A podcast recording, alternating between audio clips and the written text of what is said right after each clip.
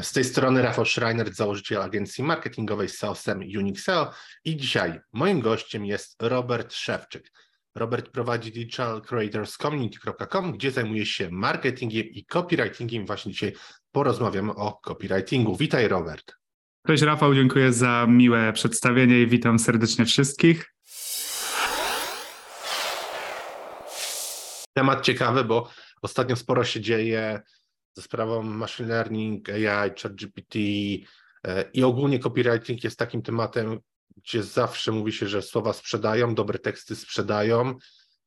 Dzisiaj porozmawiamy też trochę o wielkich copywriterach, Sugarmanu, Gilby, Hopkins i inni, ale takie pytanie na start. Czym według Ciebie różni się tradycyjny copywriting od tego online'owego? Mm, no wiesz, tak naprawdę moim zdaniem te główne zasady, tak jak przed chwilą tych osób, które na przykład wspomniałeś, to myślę, że są, wiadomo, troszeczkę ewoluowały, ale no, działają też bardzo podobnie w dzisiejszych czasach, bo to jak myślimy, czy jak reagujemy na pewne rzeczy pozostaje takie samo. Od lat to się nie zmienia. Więc tak naprawdę myślę, że te kanały głównie komunikacji się zmieniły, że teraz na przykład nie wysyłamy listów sprzedażowych, co wysyłamy na przykład maile, nie komunikujemy, nie wysyłamy jakichś ogłoszeń na przykład w gazetach, chociaż też się zdarza, na przykład dajemy post na, w mediach społecznościowych, więc kanał na pewno się zmienił. Podejście troszeczkę się zmieniło, bo wiadomo, też kanały wymusiły pewne rzeczy, pewien sposób komunikacji na copywriterach i też na ludziach, mhm. więc to na pewno. Ale tak głównie myślę, że to podejście stricte do copywritingu się nie zmieniło, bo na przykład jak nagłówek był bardzo ważny kiedyś, tak na przykład dziś też jest tak samo ważny, więc myślę, że te rzeczy nie, nie zmieniły się albo ewentualnie zmieniły się, ale dość delikatnie. Mhm. A nie masz na przykład takiego wrażenia, bo powiedzmy też z racji tego, mhm. że robimy SEO, to tego copywritingu robimy sporo, nie masz takiego wrażenia, że osoby trochę poszły za bardzo chyba w trend taki, że krótkie teksty są w modzie, a nie na przykład long copy, takie jak e, okay.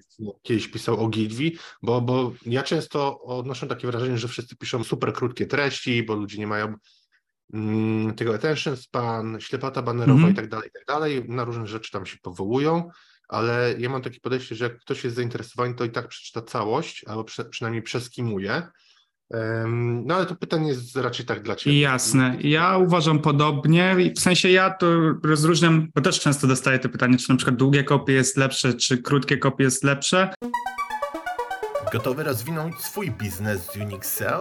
Przyśpiesz i wrzuć wyższy bieg. Bez znaczenia, czy prowadzisz duży e-commerce, czy lokalną firmę usługową. Za pomocą Google Ads, kampanii social media, w tym Facebook, LinkedIn, TikTok, Instagram i innych, a także pozycjonując organicznie w wyszukiwarkach, Unixel jest w stanie regularnie dowozić Tobie nowych klientów. Podejmij współpracę z najlepszym partnerem już teraz. Wejdź na unixel.pl i wypełnij formularz.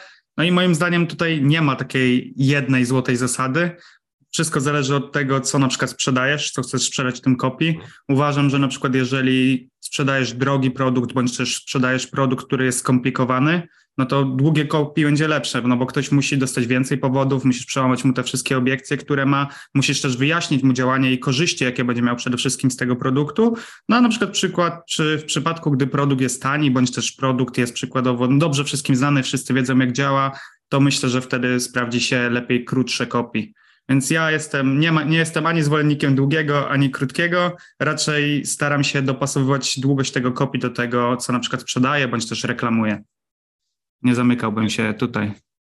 Tak, tutaj te, też, też podchodzę w ten sposób. Wiadomo też jest na przykład, jak mamy reklamy remarketingowe, to też te teksty są już inne, kiedy ktoś nas poznał, ale ja osobiście bardzo lubię te stare, e, starego typu long copy, sales letters, e, Man in Hathaway Shirt albo reklamy Ogilwiego odnośnie Rolls Royce'a.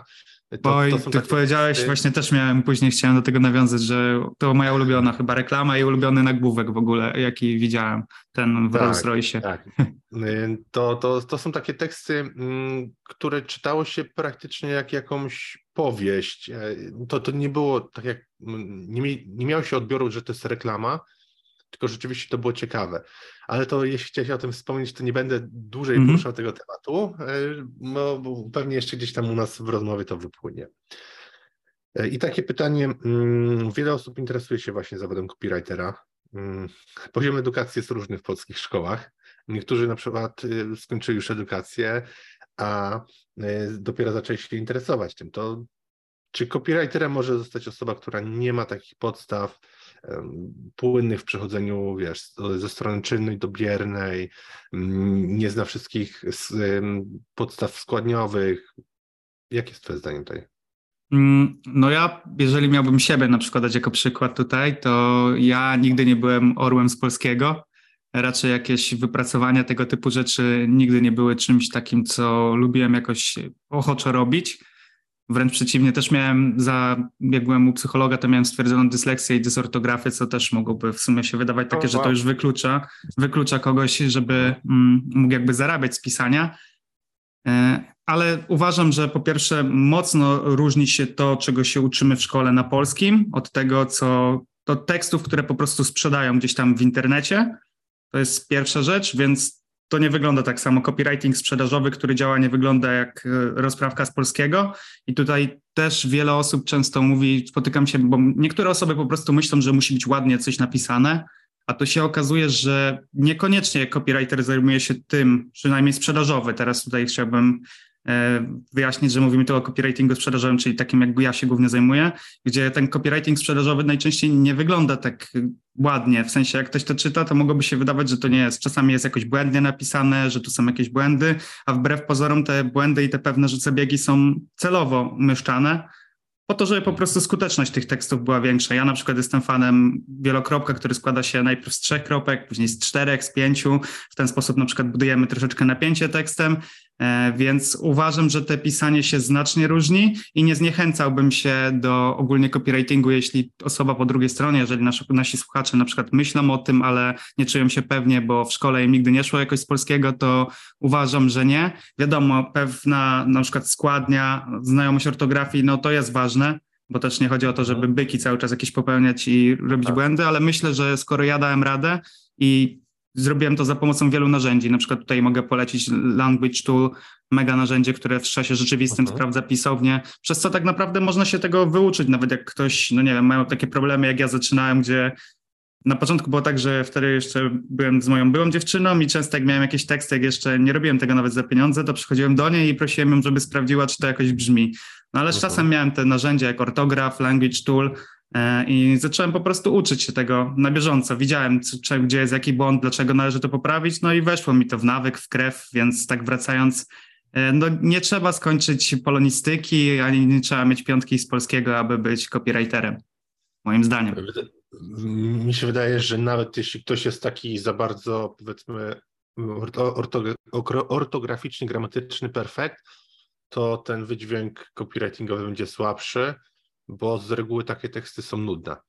Sztywne, są... nudne, tak jak mówisz, tak. i też trzeba pamiętać, że po drugiej stronie też jest człowiek, taki sam jak ty, ja, czy tam nasi słuchacze, więc o tym nie wolno też zapominać na pewno. Wa warto się zastanowić nad tym, co my albo po prostu większość osób lubi czytać w wolnej chwili i to nie są na pewno takie rozprawki, jak się pisało na języku polskim i to od strony i merytorycznej i, tak, i takiego story i nawet y, visual, bo zupełnie inaczej wygląda ten copywriting wizualnie, czyli struktura, wiadomo, częste entery, spacje.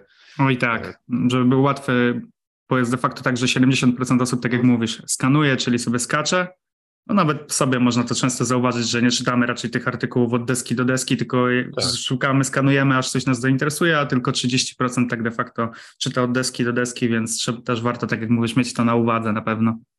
Tak, jedynie to można by tak pozostać przy typowo technicznych tekstach, gdzie trzeba się czegoś nauczyć, ale taki taki copywriting czy sprzedażowy, czy jakiś story, żeby zaciekawiło marką, mm, czy, czy nie wiem, produktem, czy usługą, mhm. no to, to wygląda zupełnie inaczej. I teraz tak, mam do Ciebie jeszcze takie pytanie, co zrobić, żeby stać się dobrym copy, bo ja z perspektywy mm, właściciela agencji odnoszę często takie wrażenie, że sporo osób w ogóle tej pracy nie traktuje na poważnie, a raczej traktują to jako takie dorobienie do pensji i po prostu piszą od czasu do czasu teksty dla agencji. Hmm, czyli takie chodzi ci, że robią to jakby hobbystycznie, a nie czysto tak, że chcą to robić i się jakoś tam szkolą. Rozumiem, o co chodzi. Tak, później jest dużo też i poprawek i widać, że te teksty są tak raczej robione, wiesz, że może jedną ręką pani tutaj przewija dziecka, a drugą coś tam pisze.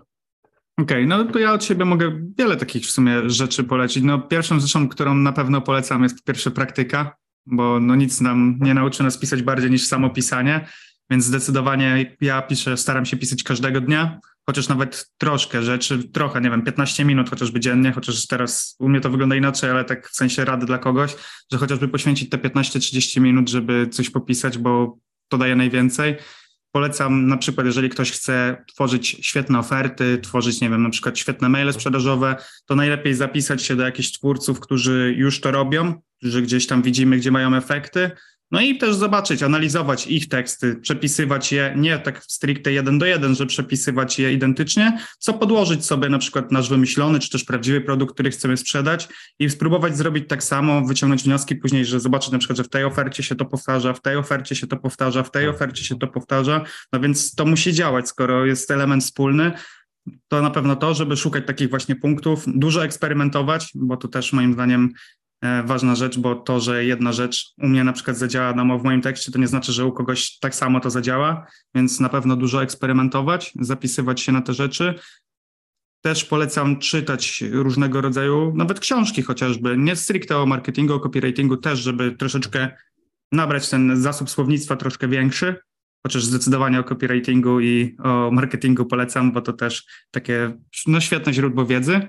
No i ja też na przykład często robiłem tak, że sprawdzałem pewne teksty, które są kultowe, że tak powiem, czyli na przykład jakiegoś Ogilwiego, sprawdzałem, co on tam pisze. Często w internecie można też się napotkać na różne artykuły po prostu na jakimś medium albo w innych miejscach, gdzie jakiś twórca analizuje taki tekst, na przykład Ogilwiego, mówiąc, co tam zagrało, co nie zagrało, więc warto też to czytać i później stosować u siebie po prostu. Myślę, że tak jest najłatwiej. No i kolejną taką rzeczą, która pomoże moim zdaniem tak najbardziej komuś e, rozwinąć się jako kopi, to własny projekt, jakiś projekt na przykład poboczny, można założyć bloga z newsletterem. Tak naprawdę wtedy uczymy się na żywym organizmie, widzimy co działa, co nie działa, uczymy się przy tym marketingu, uczymy się przy tym, nie wiem, promocji, tych wszystkich rzeczy, które tak naprawdę później mogą się nam jakoś przydać.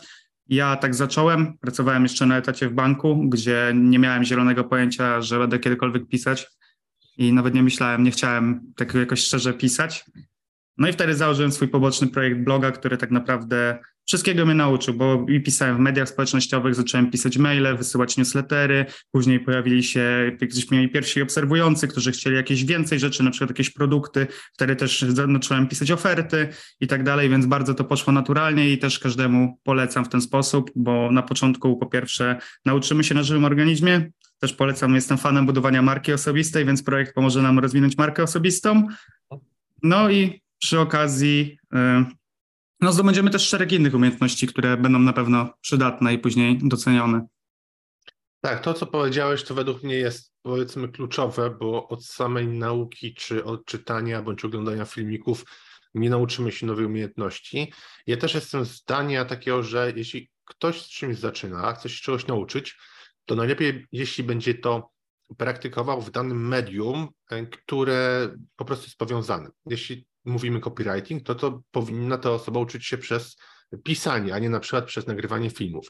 Jeśli ktoś się interesuje grafiką, czy na przykład e, mm, edycją filmów wideo, no to powinien tworzyć, założyć wtedy swój kanał na YouTubie i mm. uczyć się tworząc filmy samemu. Dodatkowo to jest też masa, masa pozytywu, bo tak jak powiedziałeś, i budujemy sobie markę, rozpoznawalność i co najważniejsze, tak jakbyśmy inwestowali fikcyjnymi bądź prawdziwymi pieniędzmi. Nauczymy się zawsze lepiej, jak, jak mamy te, te prawdziwe, czyli te działania, to już wiadomo, nie napiszemy obojętnie czego na takim blogu, bo wiemy, że ktoś tam wejdzie i kiedyś to przeczyta. Więc już robimy to tak, mając z tyłu w głowie, że okej, okay, trzeba się przyłożyć do tego, a nie tylko robić, żeby mieć wymówkę, że ok, ten czas jakoś pożytkuję na naukę, a tak naprawdę ktoś wiem, godzinami ogląda filmy na YouTube i nic z tym nie robi. Nic z tym nie robi, tak, dokładnie. E, a jakie źródła do nauki copywritingu polecasz? Już mogę wymienić kilka takich. No ja jestem fanem książek, tylko oczywiście tutaj radzę każdemu, tak jak mówiłeś, jak przeczytamy jakąś rzecz w książce, to najlepiej od razu sobie to wdrożyć, zaraz po przeczytaniu, sprawdzić, jak to działa, bo tak to ta wiedza nam gdzieś uleci, wyparuje po prostu i przeczytamy to dla samego czytania, to moim zdaniem jest bez sensu, więc po, polecam z, Polski, z polskich na przykład lektur, że tak powiem, to Artur Jabłoński, Mhm. Jak pisać, aby chcieli czytać i kupować, to jest taka świetna książka na początek, tam nauczy, na pewno nauczy osobę po drugiej stronie, która to przeczyta, takich podstaw po prostu, od czego zacząć, e, na czym w ogóle polega ten copywriting, jak ludzie pewne rzeczy czytają, na przykład tam jest sporo o tym skanowaniu i takich podstawach naprawdę, które pomogą komuś ruszyć. Jeszcze z zagranicznych tytułów e, jest Neville Medhora, ja później podeślę This book will teach you how to write better. No taki tytuł. Czytałem może, kiedyś, tak, też polecam. Mega fajna książka i myślę, że jest takim super rozwinięciem do tego Artura, o którym wspomniałem wcześniej. Mm, z takich źródeł jeszcze blog Neville'a polecam. Ja bardzo dużo z niego czerpię. Tam jest dużo, ma też kanał na YouTubie, więc warto. E, mogę też polecić nasz blog copybohater.pl. Tam jest dużo darmowych artykułów i też mamy newsletter. I jeszcze z takich ewentualnie rzeczy, które polecam. Hmm. Chwilkę jeszcze się zastanawiać coś. No okay. na pewno polecam. Jeszcze polecam na pewno książkę. To nie jest stricte może związane z copywritingiem, ale też jest z copywritingiem i marketingiem. To jest Ogilvy właśnie i to była książka, żeby cię nie skłamać o reklamie, chyba się nazywa po polsku. Ogilvy on advertising, chyba tak jest. Tak, tak, to po polsku jest chyba o reklamie i tam jest Nienawidzę zasad, mega mi się podobała. Mhm. E, w sensie to ta sama książka Ogilvy o reklamie i tam jest chyba dopisek Nienawidzę zasad.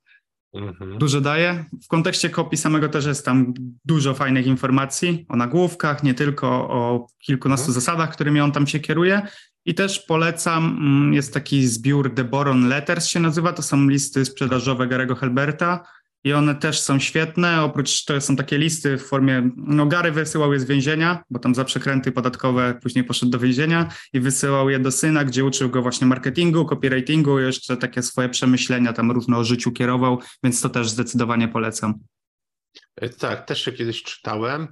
I tego jest naprawdę sporo, więc to nie jest tak, że przeczytam sobie to w weekend.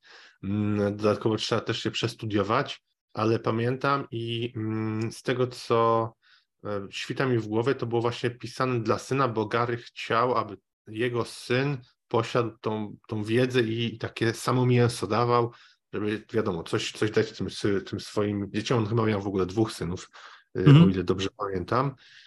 Mm, to polecam. O, jeszcze z takich fajnych rzeczy to na pewno jakieś swipe filesy, gdzie o, tak, można tak, tak.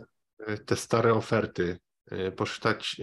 Swipe Co to polecam, bo tam jest dosyć fajna baza właśnie i, i Helberta, Ogilwiego, Sugarmana i innych. To jest, to jest z takich obowiązkowych rzeczy. Mm. A jeśli chodzi o to, co się ostatnio dzieje w branży, mhm. AI, ChatGPT, jakie jest Twoje podejście do tego? Bo, mm, a zresztą nie będę ja tutaj się rozwijał, poczekam na Twoją odpowiedź. Dobra, dobra.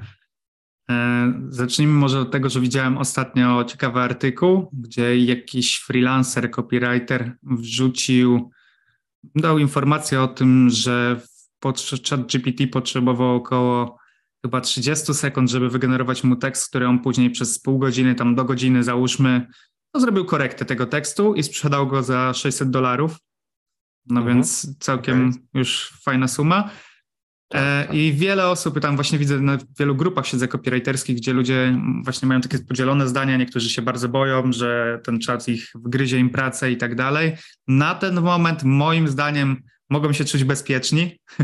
W sensie mhm. na pewno czat e, GPT na przykład usprawnia pracę i ogólnie sztuczna inteligencja, na pewno ją przyspiesza, Pomaga też e, zdecydowanie, na przykład ja korzystam z niego, jak mam blokadę twórczą i nie wiem, o czym chciałbym na przykład napisać, albo nie wiem, jak zacząć, to lubię sobie z niego skorzystać, bo on może pokazać zupełnie inną perspektywę niż tą, którą ja miałem gdzieś tam w głowie, więc mhm. dzięki temu taką przełamuję tą blokadę twórczą i wiem, jak zacząć pisanie.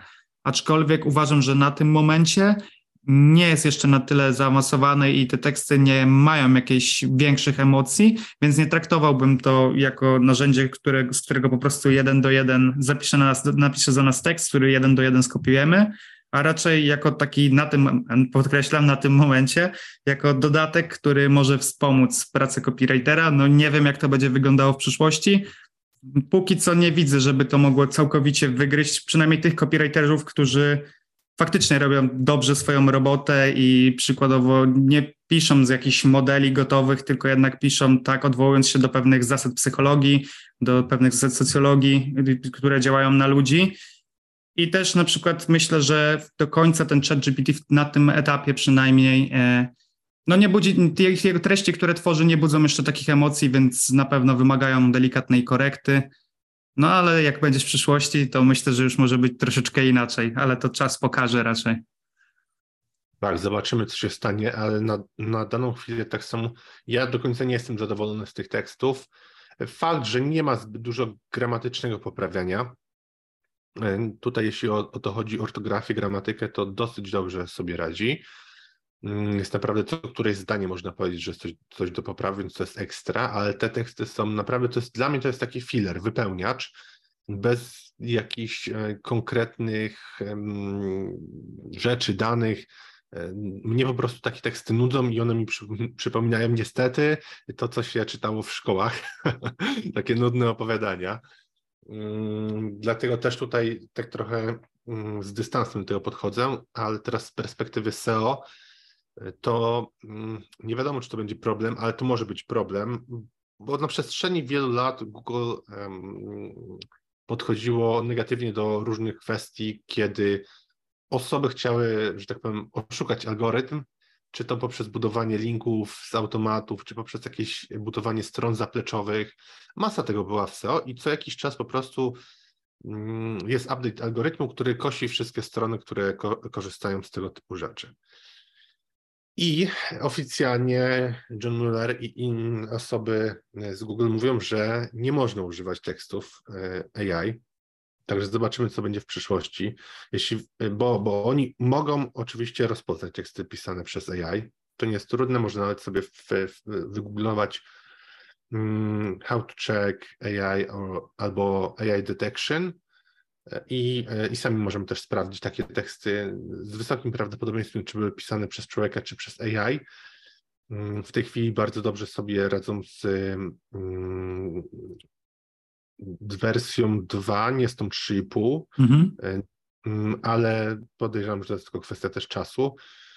Także no zobaczymy, w którą stronę to pójdzie, jaką decyzję podejmie Google, czy przymkną oko na to, czy za jakiś czas powiedzą, OK, za dużo jest średniej jakości tekstów w sieć i ich wycinamy. Także ja na razie powiedzmy wstrzymuję się z tym, no bo szkoda było zrobić na przykład jakiś projekt 500 wpisów blogowych i żeby za pół roku ten projekt po prostu miał wyzerowaną no tak, okazało się, że jednak, no właśnie. Bo to jest mimo wszystko kilka tygodni e, pracy człowieka, wiadomo, ktoś musi te teksty później przeczytać, e, odpowiednio stylować na tego WordPressa, mm, to też trzeba i nagłówki powymyśleć takie ciekawe, dodać jakieś zdjęcia, także to, to jest taki duży portal, nawet jeśli automatycznie byśmy to robili jakimiś promptami, to to jest i tak kilka tygodni, kilkanaście tygodni na przykład pracy dla jednej osoby, no i szkoda było ten czas po prostu stracić, bo czasu niestety nie da się odkupić. Także to no jest takie moje dlatego ja na razie trochę z boku pozostaję przy tym.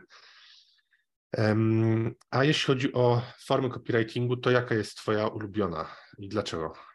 Okej, okay. E, forma, czyli pytamy o co konkretnie, jakbyś mógł to precyzować? E, czy lubisz na przykład bardziej teksty sprzedażowe, czy stworzyć story? Okay. Co według Ciebie jest taką esencją copywritingu i dla Ciebie, co jest mm, okay. E, no wydaje mi się, że copywriting sprzedażowy jest taką esencją copywritingu, tak ogólnie mhm. mówiąc, no bo jednak wtedy zadaniem copywritera jest sprawienie, że po pierwsze zdobędziemy uwagę danej osoby, zaangażujemy ją na tyle, żeby chciała przeczytać od początku do samego końca linijkę po linijce nasz cały tekst, no i na końcu sprawimy, że podejmie konkretną akcję, o którą ją poprosimy, czyli na przykład zapisze się na newsletter, czy zakupi nasz produkt, czy tam dowolną inną rzecz. No więc tutaj mamy całą taką paletę, całe takie spektrum rzeczy, które musimy zrobić, bo nie dość, że musimy zdobyć jego uwagę, zaangażować go, to jeszcze przekonać go słowami, które za chwilkę przeczyta do tego, aby podjął lub nie podjął jakiegoś właśnie konkretnego działania. Więc myślę, mnie to najbardziej właśnie fascynuje uwielbiam trochę podobne tematy do ciebie, jak widziałem twojego YouTube'a, że bardzo lubię psychologię, lubię socjologię, bardzo mi się podoba w ogóle to w copywritingu, tak ogólnie, że dzięki tam za pomocą moich słów mogę wpłynąć na jakieś decyzje ludzi, co za czym, za czym idzie oczywiście ogromna odpowiedzialność też, bo to też się tak wydaje. Ja akurat mam duży kręgosłup moralny, więc y, do tego mhm. podchodzę, no, do tego też w banku nie pracuję, a pewnie pracuję teraz tutaj. No tak, tak. i więc naj, mi najbardziej najwięcej radości osobiście sprawia pisanie maili sprzedażowych, bo lubię to robić ze względu na to, że po pierwsze Tutaj liczby nie kłamią, widać, czy mój tekst jest dobry, czy też niedobry. Też są różne tak, statystyki. To widać. łatwo zmierzyć e, nawet nie to konwersjami, ale jakie są CTR i kliknięcia w linki. Dokładnie, więc to mega lubię, bo widzę wtedy realnie, że to, co napisałem, ma jakieś przełożenie na stan faktyczny, że dzięki temu, że ktoś skorzysta z mojej usługi, ja mu napiszę na przykład maile sprzedażowe, to dzięki temu więcej osób kupi jego produkt. W rezultacie on, ta osoba czy tam firma pomoże większej ilości osób, więc to mega lubię.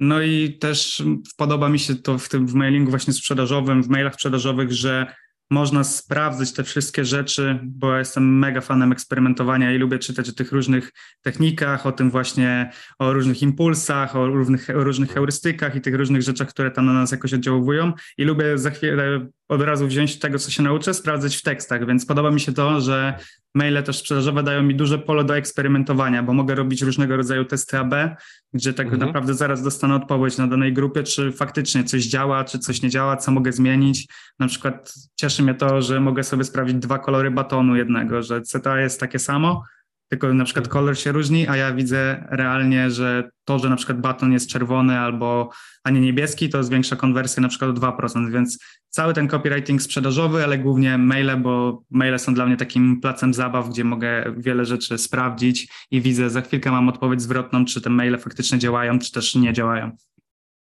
Tak, to jest bardzo fajne akurat, jeśli chodzi o czasy, w których żyjemy.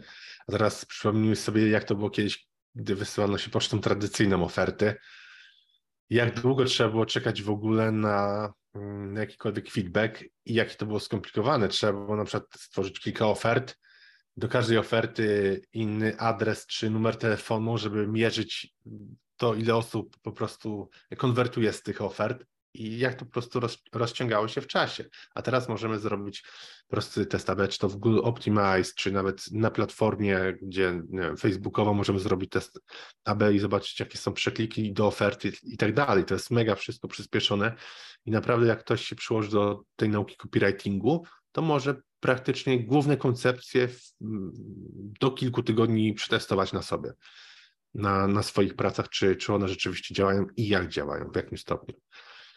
Mm, a jeśli chodzi o legendy copywritingu, to kto jest Twoim ulubionym copywriterem? Bo naprawdę hmm. tych, tych największych jest wielu. Czy właśnie wymieniono wcześniej Ogilvy, Hopkins, Sugarman.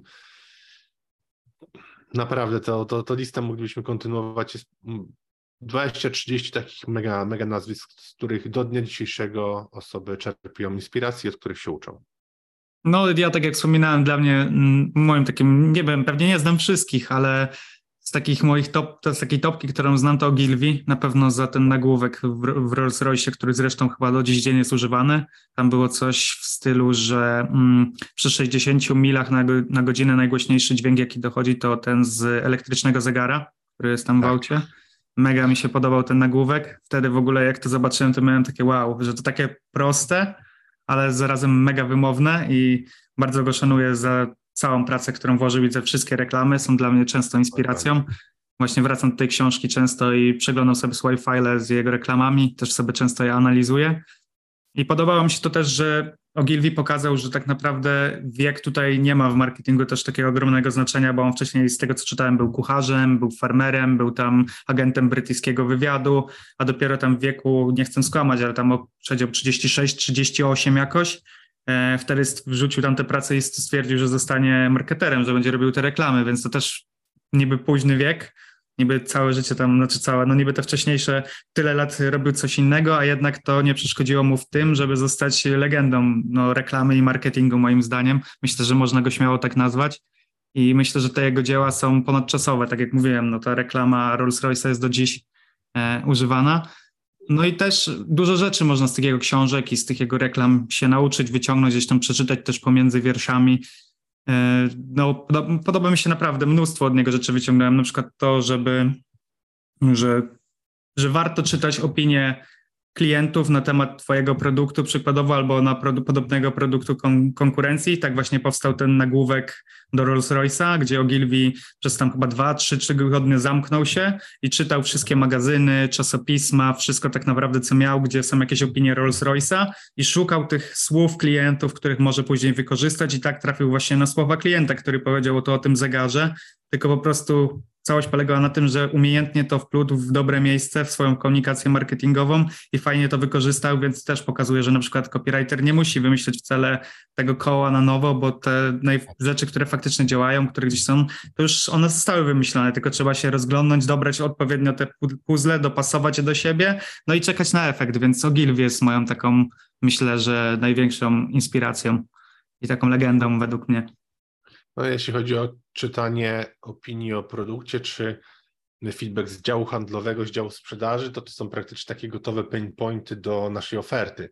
I ja zawsze powtarzam, że jeśli marketer będzie umiał je wpleść do oferty, nawet jeszcze przed, przed ich pojawieniem się, to, to już wtedy dział sprzedaży ma maksymalnie ułatwioną um, drogę, żeby ten prospekt stał się ten lead stał się klientem na dalszym etapie. Niestety mało osób to robi i zamiast patrzeć to, co, to, o czym piszą klienci, to, co mówią, to raczej jest tak, że mam takie wrażenie, że większość copywriterów w ogóle tego nie robi, czy osób w ogóle z działu marketingu, ale to w sumie też częściowo nie jest ich wina, bo, bo często jest tak, że nawet w dział marketingu i sprzedaż znajduje się w innym budynku, więc marketing nie ma nawet możliwości jako, jako dział sprzedaży, e, żeby, żeby dostali jakiś feedback czy informacje do oferty, aczkolwiek można dramatycznie podnieść sobie wskaźnik konwersji, jeśli, jeśli to się zastosuje, no i praktycznie to jest gotowiec. Mm, a takie pytanie mm, hmm? dosyć szerokie, ja je zadaję zawsze gościom u siebie na podcaście. Jakie jest Twoje ogólne spojrzenie na marketing? Ogólne, Jakiś, ale w, o tak, co? Którą, to, to, to, jest bardzo szerokie i, i Dobra. jak chcesz. Możesz poruszyć trendy E, w którą okay. stronę idzie marketing, albo co najbardziej lubisz, czego najbardziej nie hmm. lubisz, to jest taki twój... Dobra, dobra, to mam tutaj trochę dowolności. No to te, te trendy, co ja zauważam i czego, hmm. że tak powiem w cudzysłowie, sam padłem ofiarą w marketingu, to zauważam na pewno to, że z powrotem społeczności e, rosną ogólnie w siłę.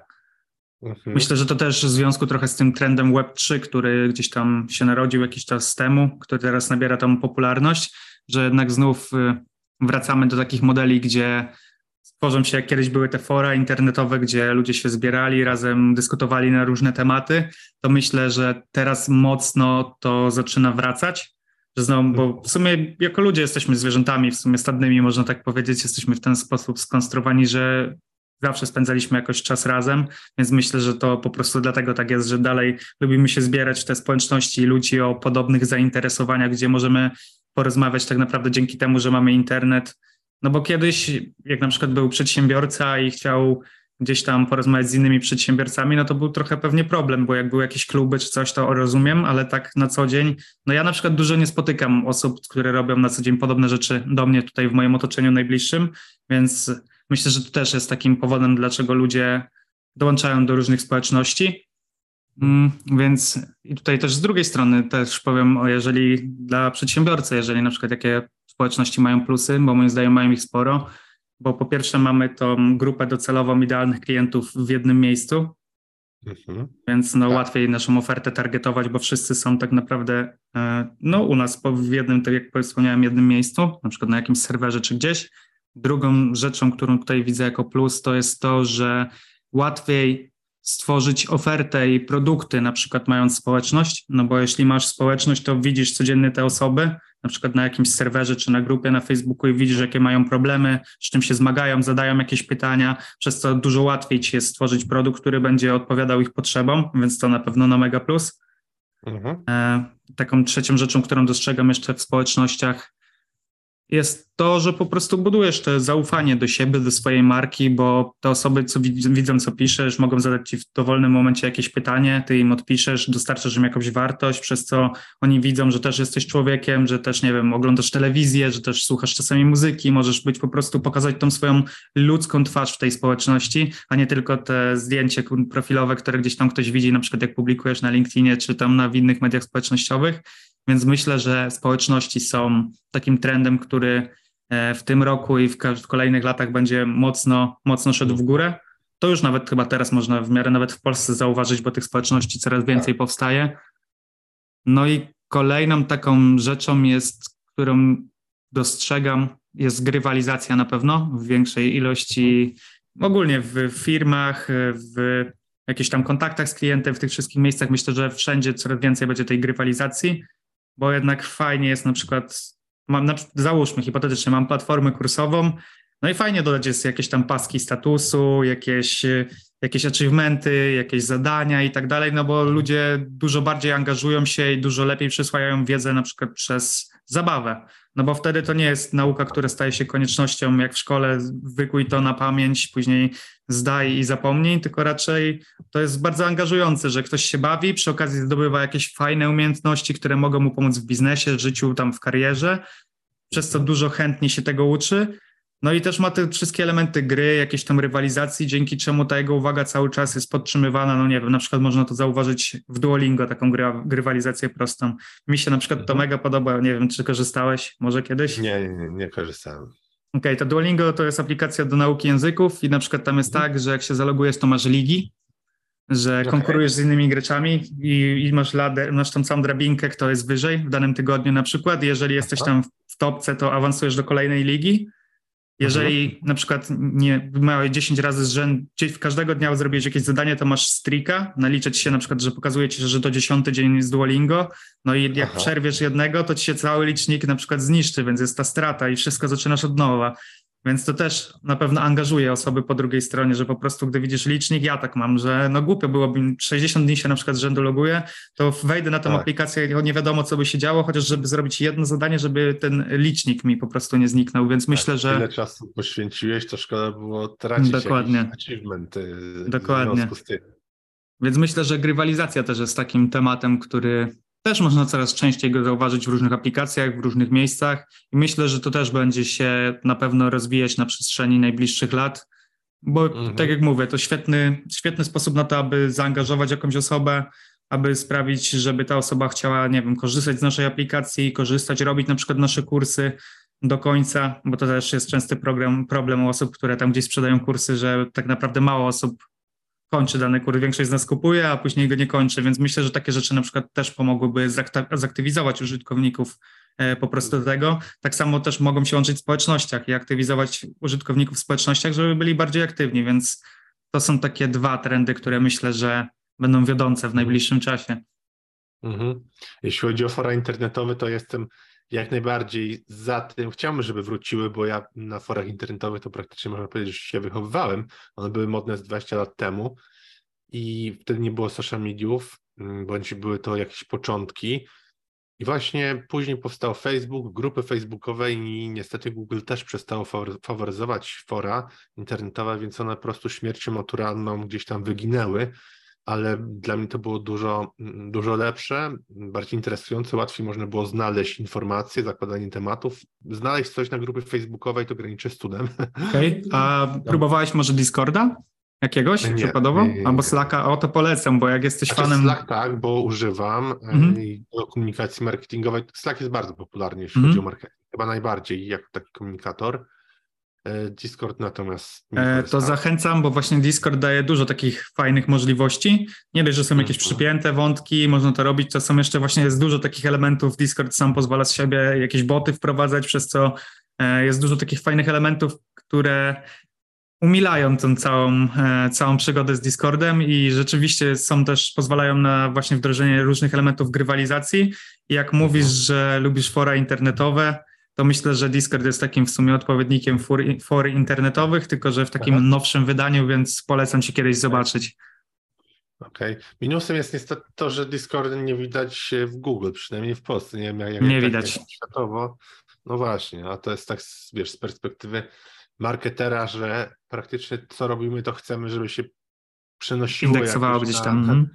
tak, indeksowało, czy, czy przenosiło na jakieś wyniki biznesowe, żeby ktoś mógł za jakiś czas nas, nie wiem, znać i tak dalej, to, to, to chyba to jest taki ból, jeśli, jeśli chodzi o, o Discorda, ale na pewno spróbuję wkrótce, jak polecasz, to znaczy na, na pewno kilka razy odwiedzałem, aczkolwiek nigdy nie, nie wiem, czy nie znalazłem nic dla siebie, już nie pamiętam, bo to było, musiało być do, dosyć dawno temu. Mm, Robert, czy chciałbyś jeszcze coś dodać o, tutaj na zakończenie naszej rozmowy? Okej, okay, może tak pomyślałem, e, żeby dać na koniec tym, którzy zostali do końca, tutaj przebrnęli e, z tym moim słuchaniem mnie, to może dam jakieś trzy takie wskazówki dla osób, które po prostu chciałyby tworzyć lepsze teksty, które będą mogły już w sumie natychmiast wdrożyć po przesłuchaniu tego podcastu i myślę, że od razu przyniosą im jakieś fajne efekty, a ich teksty będą lepsze. Ciekawa inicjatywa. Proszę. Dobra. To pierwsza rzecz, i to też chyba gdzieś u Gilwiego kiedyś przeczytałem, to ważną rzeczą jest to, aby zawsze, gdy napiszemy tekst, odłożyć go na kilka, kilkanaście godzin, a najlepiej na 24 godziny, na noc przykładowo, żeby po prostu odleżał, bo jak sobie ten tekst odleży odpowiednią ilość czasu, no to gdy do niego wrócimy, to po pierwsze nabierzemy pewnej perspektywy, zobaczymy troszeczkę go z innej perspektywy niż wtedy, kiedy go pisaliśmy, bo wtedy, że tak powiem, mamy taką na sobie narzutkę, że myślimy, że to jest świetne, bo piszemy to po prostu pod wpływem jakichś tam emocji, pod wpływem mhm. chwili, przez co niekoniecznie obiektywnie możemy spojrzeć i przez co nie widzimy tych niektórych rzeczy, które są tam na przykład średnie, więc na pewno jeżeli wrócicie za te kilka, kilkanaście minimum godzin, a najlepiej ten cały dzień, to dostrzeżecie, dostrzeżecie wiele rzeczy, które można poprawić albo napisać troszeczkę inaczej. To jest jedna rzecz. Druga, bardzo z tym powiązana, to nie wiem, czy tak robisz, pewnie robisz, ale myślisz, słuchacze może, może nie wiedzą, e, to czytanie tekstów na głos. To no jest tak, moim to jest zdaniem ważne. Jeśli chodzi o mnie, to tak, robię to, tylko wiem, że większości osób się nie chce tego robić. Tak, a to naprawdę robi różnicę, no bo jeżeli czytamy to na głos, to tak w zasadzie jakbyśmy to w sumie mówili, więc można w łatwy sposób dostrzec, czy dany fragment tekstu nie jest na przykład nudny, czy gdzieś jest tak nienaturalny na przykład przerwa, że czytamy płynnie, płynnie, a nagle musimy się gdzieś zatrzymać, bo jakiś fragment jest e, za trudny po prostu, więc e, na pewno polecam czytać swoje teksty zawsze po napisaniu na głos. Jeżeli coś nie będzie brzmiało naturalnie, coś będzie brzmiało nudnie albo tak, że nie powinno się tam znaleźć, to wtedy trzeba to zedytować, czyli poprawić i napisać jeszcze raz tak, żeby wszystko się dobrze wymawiało. E, mhm. No i kolejną taką trzecią rzeczą też odnośnie takim w sumie ćwiczeniem jest to, aby pisać swobodne teksty, czyli swobodne mam w zrozumieniu to, że czyli tak właśnie jakbyśmy je mówili, i tak jakbyś na przykład mhm. ty chciał napisać swobodny tekst, to tak jakbyś go trochę miał powiedzieć komuś. W takim tak. swobodnym stylu, jakbyśmy trochę rozmawiali z może z najlepszym przyjacielem, z jakimś dobrym kolegą na kolacji i chcieli mu na przykład wytłumaczyć, że czym się zajmujemy albo co sprzedajemy i dlaczego to jest fajne. E, I wiele osób myśli, że ciężko się pisze takie swobodne teksty, to tutaj mam jeszcze ćwiczenie na koniec dla tych osób. E, polecam wziąć sobie po prostu telefon, i gdy mamy coś napisać, to włączyć dyktafon w telefonie, no i opowiedzieć właśnie własnymi słowami, tak jak z jakimś przyjacielem przy kawie przykładowo, o tym właśnie, co chcemy napisać, a później po prostu zatrzymać ten dyktafon i przepisać to, co nagraliśmy na kartkę i w ten sposób mamy świetną bazę, a nasz tekst jest o wiele bardziej swobodny. Później wystarczy to troszeczkę zedytować, poprawić i mamy e, dużo lepszy tekst niż taki pisany na sztywno, bo wielu osobom się wydaje, że musi być nudno i sztywno, ale tak jak mówiłem na początku, po drugiej stronie też jest człowiek, który chce, żeby było ciekawie, chce, żeby było fajnie, a nie tak jak w sumie wszyscy myślą, że powinno być. A najlepsze jest to, że pisząc teksty w takim stylu konwersacyjnym, uczymy się tego bardzo szybko. Natomiast z drugiej strony, dlaczego osoby piszą w tym nudnym stylu? No bo tak jesteśmy uczeni w szkole. Mm. Czyli powiedziawszy, zamiast pisać w pierwszej osobie, pisze się w trzeciej osobie. E, odpowiednio nie przechodzi się pomiędzy stroną czynną a bierną, dlatego też rzeczywiście teksty na początku są nudne, bo tak byliśmy uczeni. Robert, ja tutaj dziękuję e, dzisiaj za rozmowę.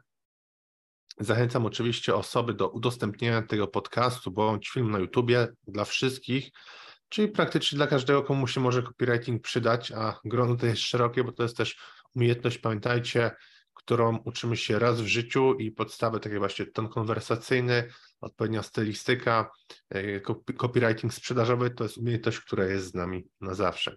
Także Robert, jeszcze raz dziękuję za rozmowę. Dziękuję bardzo. Również pozdrawiam wszystkich. Cześć.